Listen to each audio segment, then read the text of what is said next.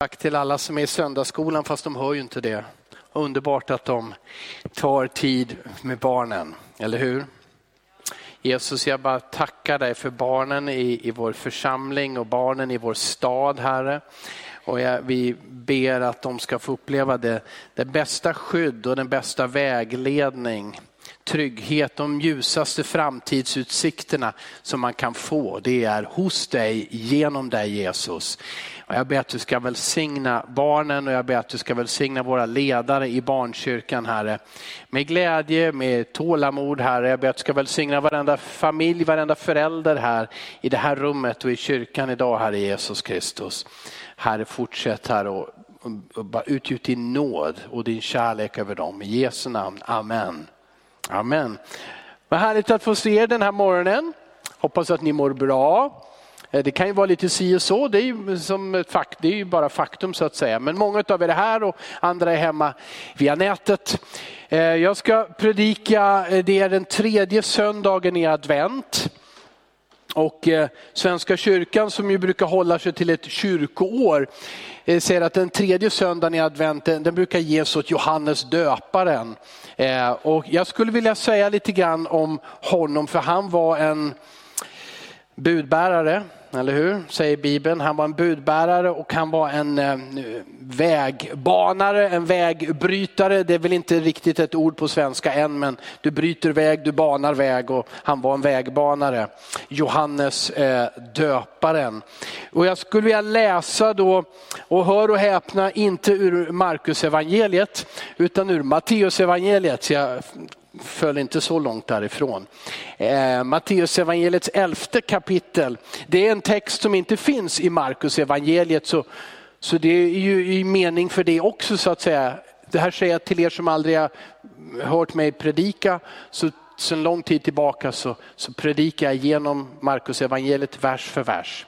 Men som sagt var, Markus hade inte tid att skriva allting, men Matteus skrev lite annat. Så vi går till det idag, Matteus 11 och läser om Johannes. Och jag börjar i vers 2. Johannes fick i fängelset höra talas om Kristi gärningar. Han sände då bud med sina lärjungar och frågade honom, är du den som skulle komma? Eller ska vi vänta på någon annan? Jesus svarade dem, gå och berätta för Johannes vad ni hör och ser. Blinda ser, lama går, spetälska blir rena, döva hör, döda uppstår och fattiga får höra glädjens budskap. Salig är den som inte tar anstöt av mig. När de hade gått började Jesus tala till folket om Johannes. Vad gick ni ut i öknen för att se? Ett strå som vajar för vinden? Om inte, vad gick ni ut för att se? En man klädd i fina kläder? Nej, de som har fina kläder finns i kungapalatsen. Så vad gick ni ut för att se? En profet? Ja, jag säger er, en som är mer än en profet. Det är om honom som det står skrivet, se jag sänder min budbärare framför dig och han ska bereda vägen för dig. Jag säger er sanningen, bland de som fötts av kvinnor har ingen trätt fram som är större än Johannes döparen. Men den minste i himmelriket är större än han. Låt oss be en gång till. Fader i himlen, vi tackar dig för Guds ord Herre.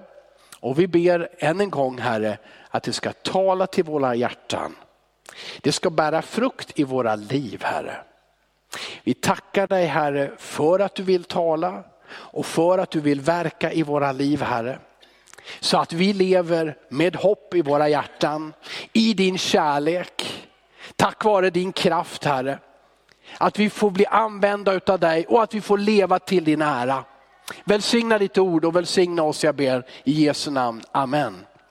Amen. Tack hörni för att ni säger amen. Eh, det, det tycker jag är underbart. Då vet jag att ni är med. Och så här i början på predikan är det inte svårt att vara med, men jag lovar att den här predikan är kort idag. Eh, och, och, sen så har vi en härlig stund, inte bara av lovsång sen, utan då vill vi be för alla som vill få förbön. Och sen så ska vi ha en kort stund av fika, kaffe 15 minuter och sen ska ni få höra mig och Johannes och andra igen för då har vi församlingsmöte för alla. Så lite annorlunda upplägg. Så, så bli inte trött nu, för snart får du kaffe och te. Okay? Utan var med och lyssna på Guds ord nu. Eh, för att vad som händer i våra liv när vi tar emot Guds ord, det är obeskrivligt och det går inte att uppskatta tillräckligt. Det står att Johannes var fängslad. Han hade blivit kastad i fängelse eh, för att han hade kritiserat eh, makten eller makthavaren Herodes Antipas. Eh, Herodes hade åkt till Rom, där hade han träffat sin brors fru och tyckte att hon var vackrare eller någonting annat än den fru han hade. Så han han såg till att det blev skilsmässa mellan brodern och hans fru och så tog han denne fru med sig till, i, tillbaka till Israel. Eh, och eh, där han var en sorts lydkonung.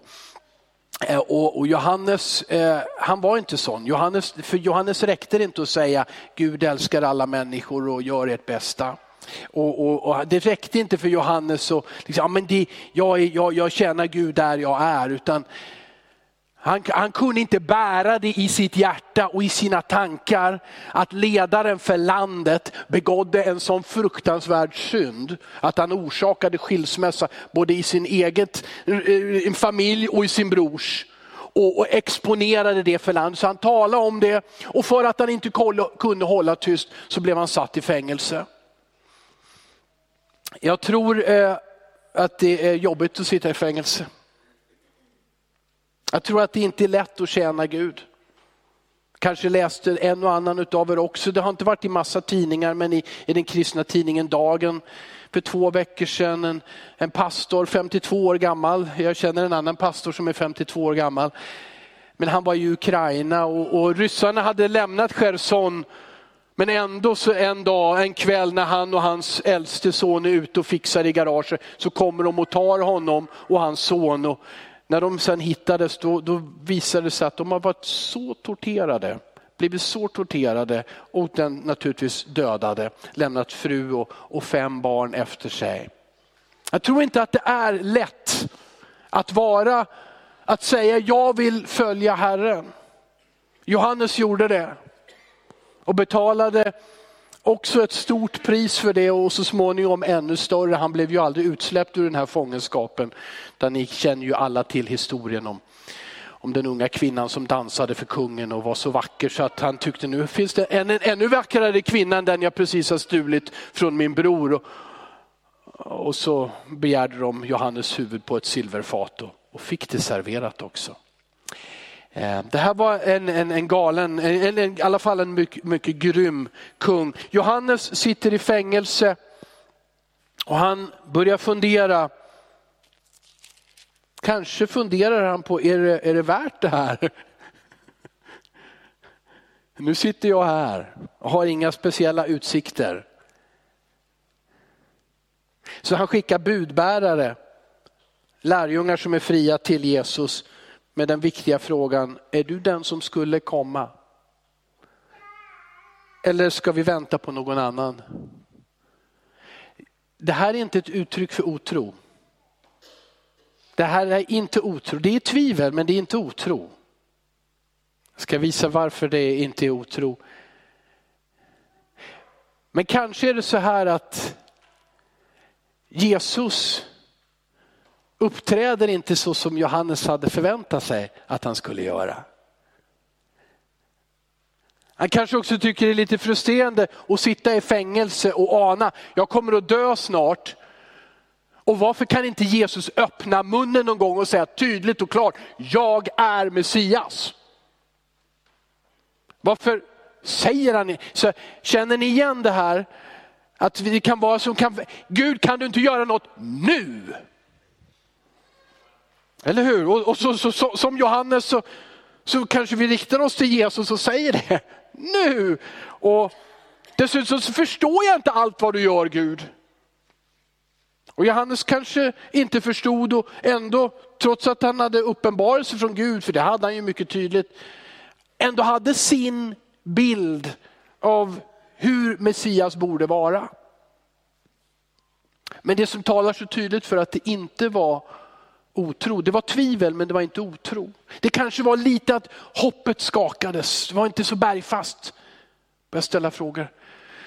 Det, det vet vi från att han ställde frågorna till vem då? Till, yes. till vem ställde han frågan? Till Jesus. Det är det, det är det det handlar om. Inte till sina lärjungar, jo han sa dem och så ta frågorna till Jesus. För jag har ingen mobiltelefon här i fängelset och jag kan inte springa heller. Men han ställde frågan till Jesus. Du ska inte döma ut dig själv för att du har funderingar. För att du ibland inte lyckas vara stark i hoppet och i övertygelsen. Du ska inte döma dig själv för det. Du ska inte ha dåligt samvete och säga, jag är ett, ett svart får i Guds familj, jag är ett dåligt Guds barn.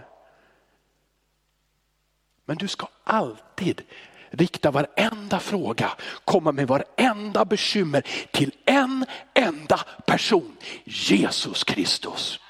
För det är han som kan svara, det är inte dina kompisar som kan svara.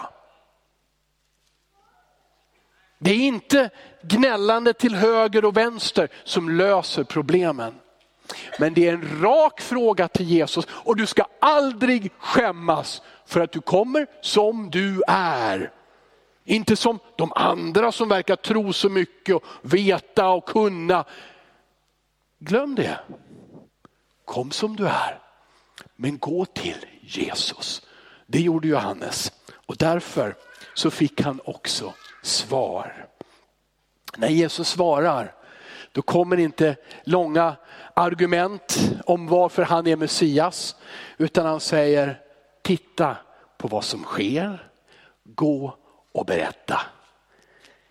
Blinda ser. Wow, lama går. Spetälska blir rena, döva hör. Döda uppstår och fattiga får höra glädjens budskap. Berätta det för Johannes. Du vet om du ska börja samtal med dig själv och med andra om att ja, jag ska bevisa för dig hur det är så att Jesus är människa och Guds son. Jag har förstått det här precis och nu ska du förstå det precis och jag ska argumentera och tala om för dig hur det är.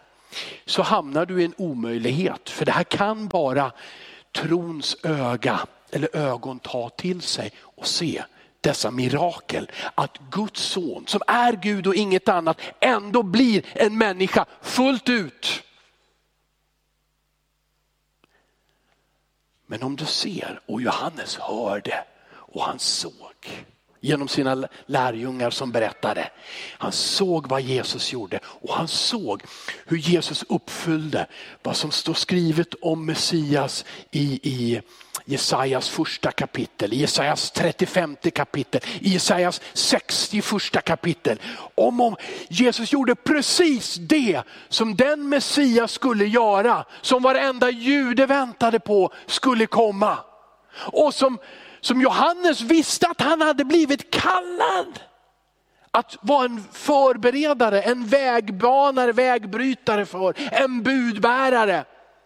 Johannes hade själv döpt Jesus. Johannes hade fått uppenbarelse från Gud om att den här mannen ska inte bara döpa er i vatten, utan han ska döpa er i helig ande och eld. Johannes hade själv bekänt och han kom i den svåra situationen, i fängelset, ändå i tvivel. Men riktade sina frågor än en gång direkt till Jesus. Det står inte hur Johannes reagerade på rapporten, men eh, vad tror du?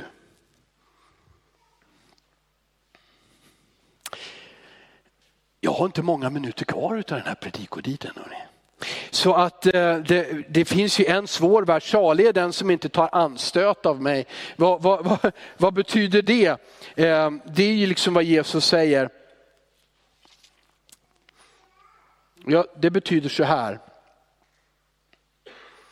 Att salig är den som, eller lycklig, välsignad är den som inte kommer på fall för att jag är med dem jag är. De spetälska, de fattiga, de sjuka, de lama. Vilken segrare och härskare. Vem, den som vill vinna matchen hänger väl inte med losers eller de som är misslyckade eller som inte kan. Och Jesus förstår hur svårt det är för oss som människor att acceptera honom som den som sitter bland de utstötta och utsatta och ger helande till dem. Hur svårt det är för oss att förstå att han inte är i huvudstaden, i palatsen och proklamerar vem han är, övertygar dåtidens politiker och makthavare och arméledare om att det är jag, det är mig ni ska stötta och vi ska göra det här.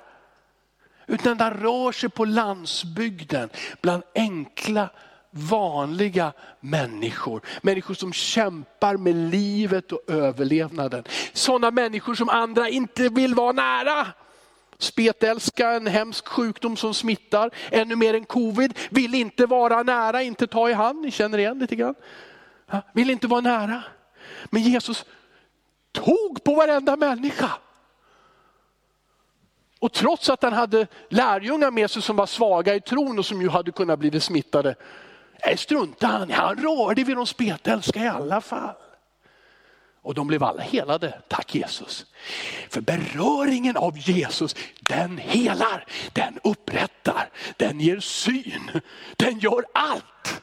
Och det är den du och jag behöver, beröringen av Jesus. Det är därför vi går med våra frågor till honom. För han är Messias, Guds son. Ja, amen. Oj, det där är klockan.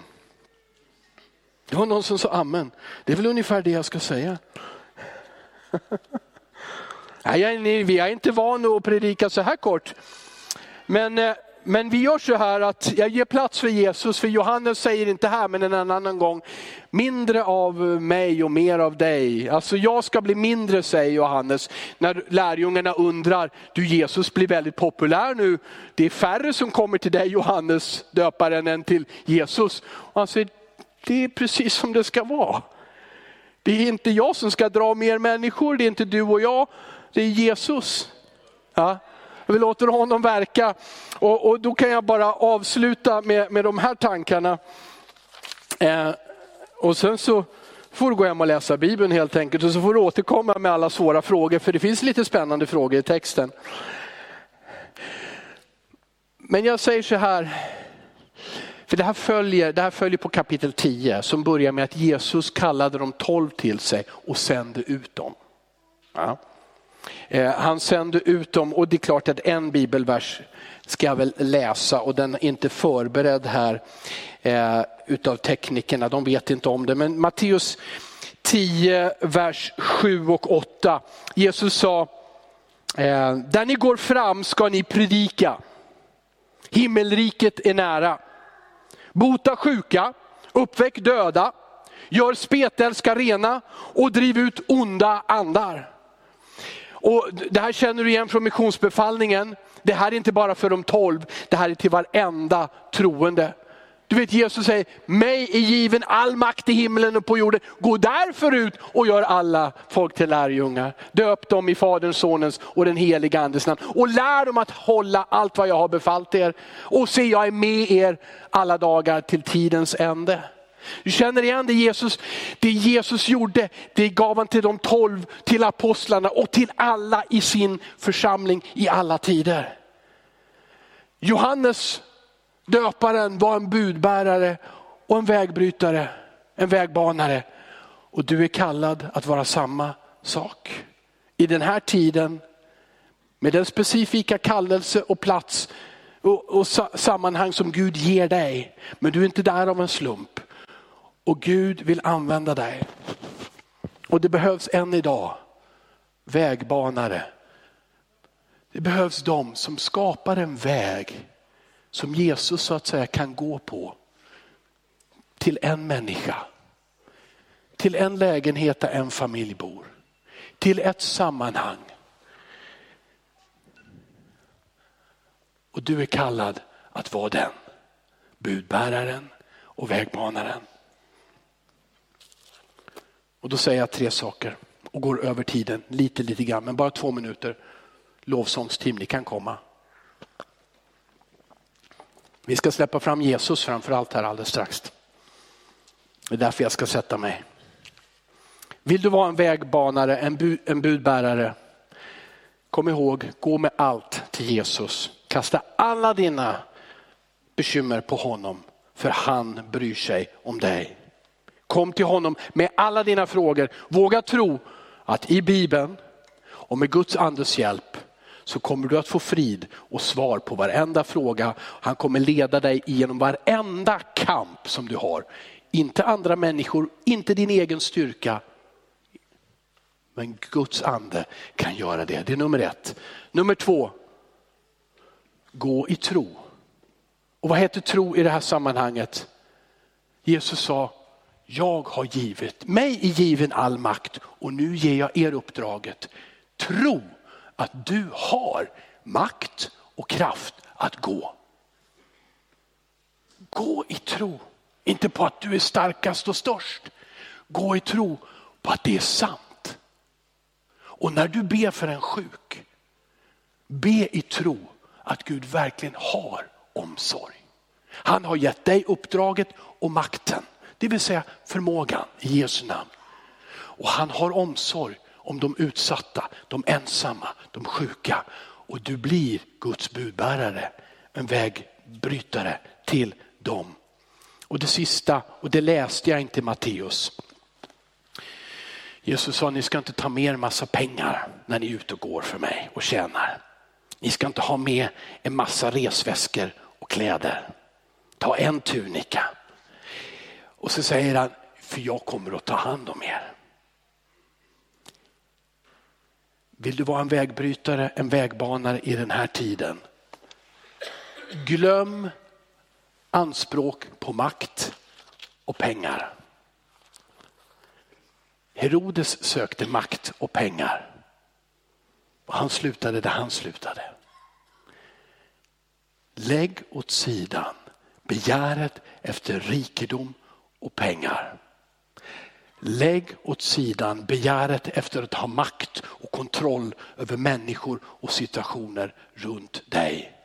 Gå i tro på Jesus och gå till Jesus och du kommer att bli en vägbrytare, en budbärare i den här tiden.